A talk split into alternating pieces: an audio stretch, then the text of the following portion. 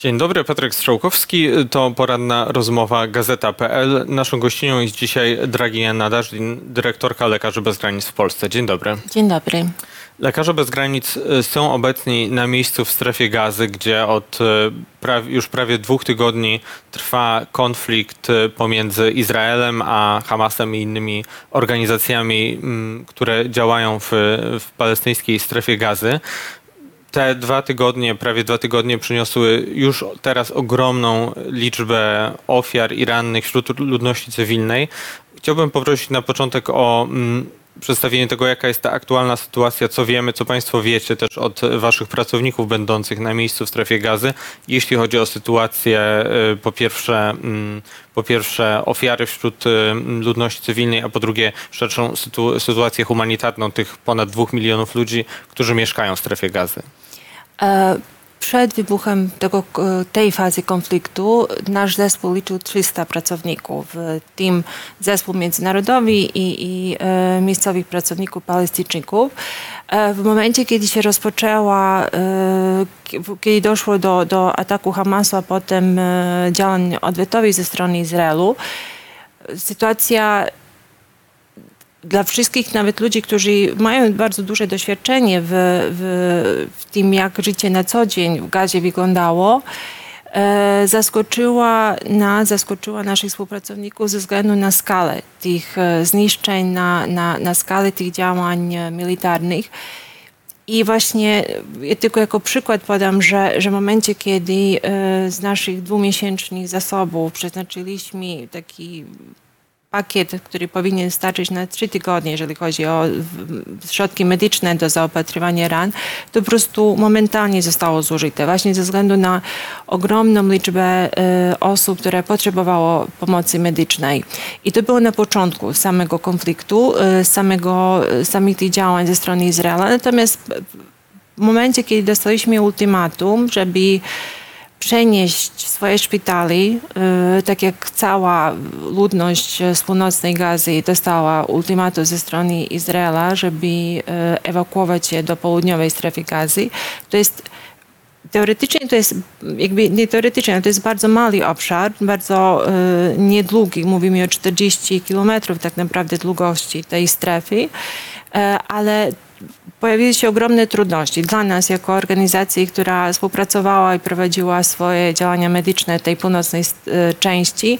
Ogromnym dylematem jest w takich sytuacjach e, właściwie to jest nie, nie, nie spotykana sytuacja. Dostaliśmy pierwszy, za pierwszym razem komunikat, że mamy wynieść e, i, i przenieść cały swój szpital razem z pacjentami rannymi w ciągu kilku godzin. Bo tutaj mówimy, przypomnijmy o, tej, o tym, że Izrael e, wydał taki komunikat do wszystkich mieszkańców tej e, północnej części strefy gazy, gdzie populacja jest szacowana na ponad milion osób, żeby ewakuowali się na południe żeby, co, co ma, żeby w jakimś stopniu uniknąć walk czy bombardowań i to dotyczy wszystkich, którzy są tam w tej, w tej części, a więc także szpitali, wszelkich najmłodszych, najstarszych mieszkańców, wszystkich. Tak, i to się wszystko zadziało już w momencie, kiedy e, zaczynało brakować e, paliwa i po bardzo intensywnych bombardowaniach, e, które oznaczały, że po prostu duża część, tych, e, duża część tej powierzchni e, została zniszczona, jeżeli mówimy o drogi, bo tak naprawdę mówimy o, o dwie duże drogi, którymi ta, ta ewakuacja miała się odbić. I pojawiło się ogromne pytanie dla nas wszystkich i, i, przede wszystkim dla, dla ludzi, którzy tam mieszkają i którzy mają swoich starszych albo starsze osoby w swojej rodzinie, które nie mogą e, się poruszać albo właśnie osoby ranne, co w takiej sytuacji zrobić. E, nam się udało e, wywieźć ostatecznie na południową część Gazy, część naszego cały nasz zespół międzynarodowy i część naszego y, personelu ze strony Palestyńczyków również się pojawiła, dostała się na, po, na południe Gazy, natomiast e, niektórzy e, lekarze, e, lekarki zdecydowali się jednak, że zostaną albo że powrócą do północnej części, po to, żeby leczyć tych szpitalach, które nadal jako tako funkcjonują. Czy to oznacza, że ta południowa część strefy gazy jest jakoś jest bardziej bezpieczna, że tam ci cywile, którzy mieszkają i ci, którzy się ewakuowali, nie muszą obawiać się bombardowań czy ataków? Niestety sytuacja na południu gazy jest e, straszna e, z tego powodu, że bombardowania już się zdarzały. I nawet w momencie, kiedy ogłoszono to, że, e, że cywile mają się ewakuować na południe, e, izraelskie siły jednak bombardowali cały ten obszar. Doszło też tam do, do ofiar i śmiertelnych, i rannych, ale na dodatek, po pierwsze, Północna część jest, północna część strefy gazy jest bardziej, była bardziej zaludniona i to tam jakby jest, tam była stolica, tam jest stolica, miasto Gaza. Południowa część, e, w południowej części te szpitale, które się znajdują, to to są zbyt małe, żeby mają zbyt małą e, infrastrukturę, e, żeby przyjęli tych wszystkich rannych, e, e, którzy przybywali z północy, ale również pacjentów, e, którzy, którzy powinni być w szpitalu z, z innych powodów. I na dodatek e, pojawił się problem, że nie ma infrastruktury, żeby przyjąć tych ludzi, bo mówimy właśnie o, o ponad milion osób, wśród nich również dzieci, bardzo duża część dzieci. E, Ale też e, brakuje prądu, brakuje wody, brakuje jedzenia. Nasze, nasze zespoły nam właśnie zgłaszali, że przez godziny po prostu szukali wody pitnej. To jest też część tego, te, część tych działań, które podjął Izrael w, w czasie tego konfliktu, czyli mm, jeszcze bardziej e, szczelna blokada strefy gazy. Ale zanim przejdziemy do tego, to chciałbym poprosić o, o krótkie opowiedzenie tego, mm, jak właśnie wygląda strefa gazy jeszcze przed tym, jeśli chodzi o dostęp do wody, do prądu, ponieważ e, to są, to wszystko są rzeczy, które nie były tam nawet przed e, tym, tą nową eskalacją konfliktu. To nie było tam oczywiste, dostęp do wody czy, czy prądu nie był w gazie łatwy, łatwy, prawda? E, Blokada gazy trwa już 16 lat e, i, e, i to tak naprawdę oznacza, że zarówno kwestie dostępu wody, jak i prądu i, i przede wszystkim też w ogóle możliwość poruszania się, to wszystko jest, było i jest kontrolowane przez stronę izraelską. Czyli mówimy o tym małym obszarze, który, obszarze, który jest e, z, z jednej strony jest e, e, morze, ale z drugiej strony na południu mamy Egipt, natomiast pozostałe, pozostałe granice strefy gazy są kontrolowane przez Izrael i od, od, od lat, właściwie od dziesięcioleci istnieje tam bardzo poważny problem i dlatego też, e, tak jak wspominałam, dochodziło już wcześniej do, do eskalacji przemocy, natomiast to, co się teraz dzieje, jest nieporównywalne do wszystkich poprzednich e, konfliktów, do wszystkich e, poprzednich bombardowań. I to, co jest ważne, to jest też to, że właśnie i kwestia blokady, i kwestia w ogóle ubóstwa, które tam, które tam e, panują. E, I bardzo duża liczba dzieci, bo w tym momencie jakby szacuje się, że ponad, e, że prawie połowa tych mieszkańców, którzy właśnie musieli uciekać z północnej Gazy, to są dzieci. To wszystko spowodowało jeszcze przed tym konfliktem, że lekarze bez granic tam byli i prowadzili swoje działania, ze względu też na to, że dostęp do opieki medycznej był bardzo słaby. I to my jako organizacja, jedna z tych organizacji, która udzielała pomocy na miejscu, e, prowadziliśmy taką pomoc medyczną, która była absolutnie nie do, nie do pomyślenia, e, ze względu na to, że po prostu również, również usługi tego typu i opieka medyczna zostały po prostu bardzo mocno e, ograniczone ze strony, ze strony Izraela, co oznacza, że już od 2000 tak naprawdę 7 roku e, nasze jakby w, w, nasze działania były potrzebne i łączyli się też z tym, że w ostatnim czasie prowadziliśmy różnego rodzaju operacje, prowadziliśmy również e, pomoc psychologiczną i, i e, taką dotyczącą właśnie zdrowia psychicznego, bo to się bardzo często łączyło z doświadczeniem przemocy mieszkańców Gazy albo właśnie skrajnym ubóstwem. No właśnie, to jest kolejny, kolejna taka eskalacja tego konfliktu w ciągu ostatnich kilkunastu lat. E, jak wygląda teraz ta sytuacja, jeśli chodzi o dostęp do wody, do paliwa, do energii, szczególnie w placówkach medycznych, które, które dobrze znacie? No, sytuacja jest katastrofalna i to od początku. E, z tego powodu, że generatory, które e, mają produkować prąd, szybko zużyli te zapasy paliwa, które mieli. E, blokada, która została wprowadzona właśnie dotyczyła też paliwa, wyłączenia właściwie wody pit, dostawy wody pitnej, prądu. I tutaj szpitale, pomimo tego, że powinni być traktowane priorytetowo, absolutnie nie były, e, nie były, nie były ani bezpiecznym miejscem e, schronienia, ani nie mogły właśnie dostarczyć te wszystkie potrzebne rzeczy. I mamy informację już w tym momencie, że w niektórych szpitalach jeśli już musi się odbyć operacja, to ona odbywa się bez środków znieczulających, bo ich po prostu nie ma. Czyli taka jest rzeczywistość tej udzielania tej pomocy teraz, że nie ma, brakuje, zaczyna brakować wody, elektryczność jest niepewna i brakuje nawet tych takich podstawowych środków medycznych coraz bardziej. Tak, i, e, i ale przede wszystkim też podkreśliła ten moment ważny, który dotyczy samego bezpieczeństwa, że w wielu miejscach ludzie nie mogą dotrzeć do szpitali ze względu na to, że to nie są bezpieczne przejścia. E, I same szpitale, i same placówki medyczne od samego początku były też czy to uszkodzone, czy właśnie częściowo zniszczone ze względu na, ze względu na działania wojenne. A z drugiej strony wiemy też z doniesień medialnych od dziennikarzy, którzy są na miejscu w gazie, że e, po pierwsze szkoły, a po drugie szpitale to są te miejsca, do których wielu ludzi próbuje się ewakuować, no właśnie kiedy musi opuścić swoje domy, kiedy one są zniszczone. No i też licząc, że to jednak są miejsca, które nie zostaną zbombardowane.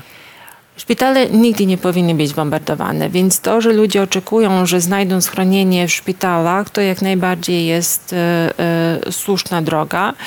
Dlatego jeden z naszych postulatów e, do, do wszystkich stron w tym konflikcie jest taki, żeby uszanować to, co powinno być e, dla wszystkich oczywiste, czyli że szpitale, placówki medyczne, jak również personel medyczny powinni być chronieni i absolutnie nie mogą być celem ataków.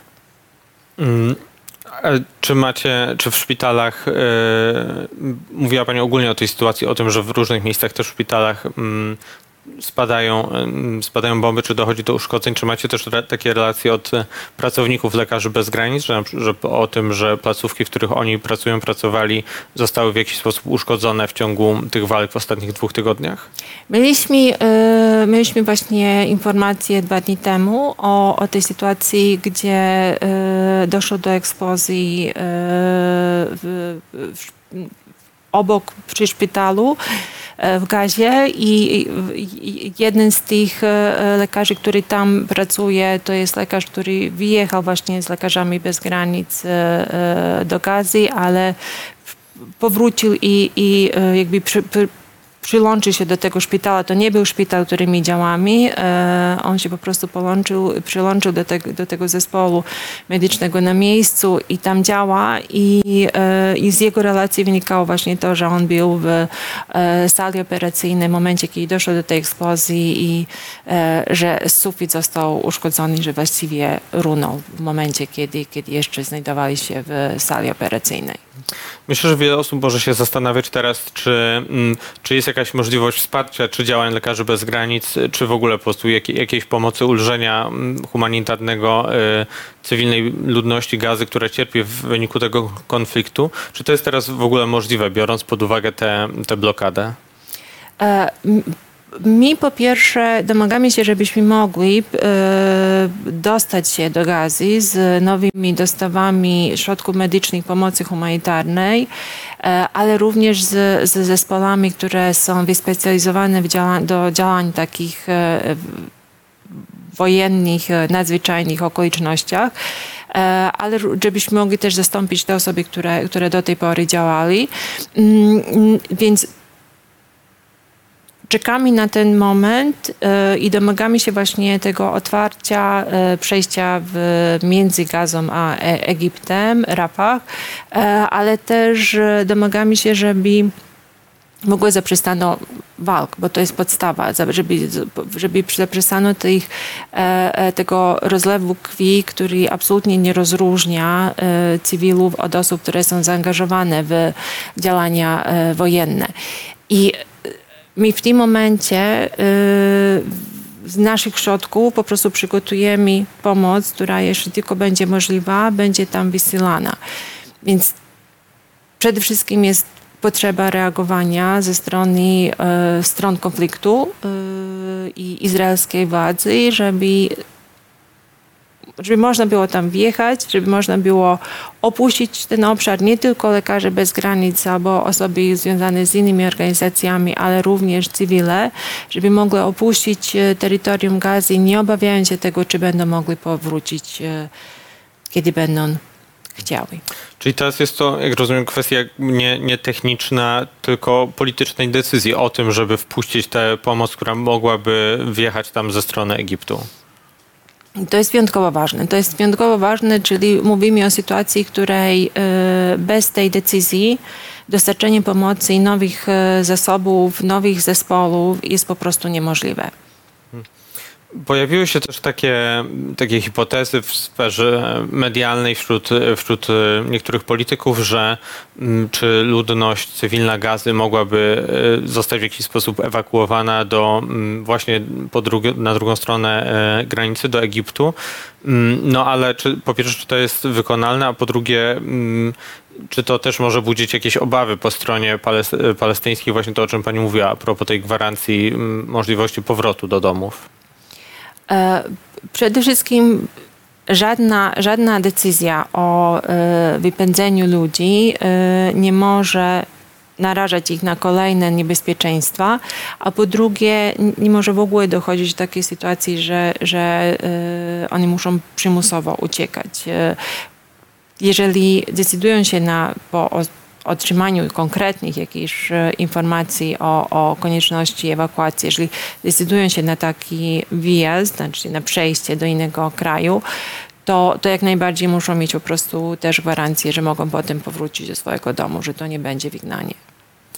To jest, myślę, trudne pytanie, ale e, jesteśmy w momencie, w którym wiadomo, że Izrael co najmniej rozważa, a prawdopodobnie także planuje dalszą, dalszą fazę tej wojny, czyli po bombardowaniach, e, wejście wojsk lądowych do, do strefy gazy trudno przewidywać przyszłość, czy, czy to, jak mogłoby to wyglądać, ale, ale w takich ogólnych terminach, czego można by się spodziewać, jeśli chodzi o sytuację, komuni- y, sytuację humanitarną, pomocową, jeśli doszłoby do następnej fazy, do takiej wo- wojny lądowej w miastach strefy gazy?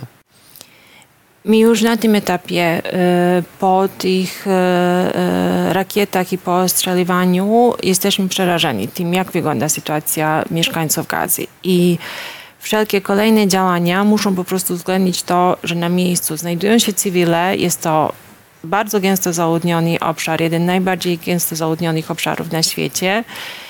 Jest wśród mieszkańców Gazy bardzo duża część dzieci, mówimy o tak naprawdę połowie y, populacji. I to wszystko się dzieje w czasie, czasie rzeczywistym. Y, I dla nas, jako dla pracowników humanitarnych, to jest wyjątkowo trudny moment, gdzie my po prostu czujemy, że moglibyśmy zrobić o wiele więcej, gdyby nam na to pozwolono. Jeżeli dojdzie do kolejnej eskalacji działań wojennych, będzie to po prostu tragedia, która się dzieje tu i teraz. Na koniec chciałbym jeszcze raz poprosić o podsumowanie tego, o czym Pani mówiła. Jakie są e, Wasze Lekarze Bez Granic najważniejsze postulaty? O co przede wszystkim apelujecie, prosicie w, w, wokół tego konfliktu? Nasz podstawowy wymóg to jest, żeby placówki medyczne, szpitale, e, personel medyczny byli bezpieczni, żeby mogli spełniać swoją podstawową funkcję, czyli e, być schronieniem dla, dla osób chorych, e, dostarczać im pomocy zdrowotnej. Natomiast drugi ważny postulat, który powtarzamy od samego początku, to jest to, że działania wojenne nie mogą być prowadzone na taką skalę, że, nie ma że, że, że są zaatakowani również cywile i osoby wyjątkowo narażone na, na, e, na takie działania, czyli te, które nie mogą uciekać.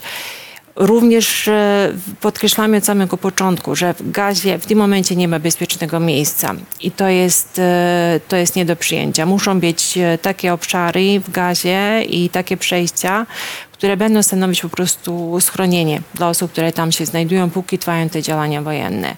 I oczywiście dla nas jako organizacji humanitarnej wyjątkowo ważne jest to, żebyśmy mogli tam dostarczać pomoc humanitarną, pomoc medyczną, ale dla wszystkich mieszkańców Gazy też musi być po prostu możliwość, po pierwsze, dostępu do wody, do prądu, do podstawowych potrzeb, bo mówimy już o blokadzie, która jest całkowita i która trwa od już dłuższego czasu i która po prostu oznacza, że jest problem już też z żywnością. Więc mówimy o podstawowych potrzebach, żeby o tym pamiętać, nie warunkując, nie warunkując tego, że mieszkańcy Gazy tak naprawdę zasługują na te same, mają te same podstawowe potrzeby jak, jak e, każdy człowiek. Właśnie to jest coś, co chyba, co jeszcze raz warto podkreślić, że Gaza, będąc tak małym obszarem, nie ma mm, swoich własnych zapasów e, czy możliwości produkcji żywności, szczególnie w ramach konfliktu, więc to jedzenie, które, które było tam dla mieszkańców, to było to, które wjeżdżało z Egiptu czy w jakimś stopniu z Izraela i kiedy te obie granice są zamknięte, to to jedzenie może po, po prostu się skończyć. Tak, już teraz zobaczyliśmy, że e, zaczyna brakować jedzenia. Natomiast problem z wodą pitną, problem z prądem, one po- pojawili się od samego początku. To jest sytuacja, którą będziemy mm, śledzić, e, śledzić na bieżąco e, i to, jak ona się rozwija, szczególnie jeśli dojdzie do jeszcze większej eskalacji tego konfliktu i na pewno będziemy pytać o to, jak się rozwija mm, pod względem humanitarnym. Bardzo dziękuję za rozmowę. Dziękuję bardzo. Naszą gościnią była Draginia Nadażdin, dyrektorka Lekarzy Bez Granic w Polsce. Dziękuję raz jeszcze. Dziękuję. A to była poradna rozmowa Gazeta.pl. Na kolejny program zapraszam już jutro. Patryk Strzałkowski, do zobaczenia.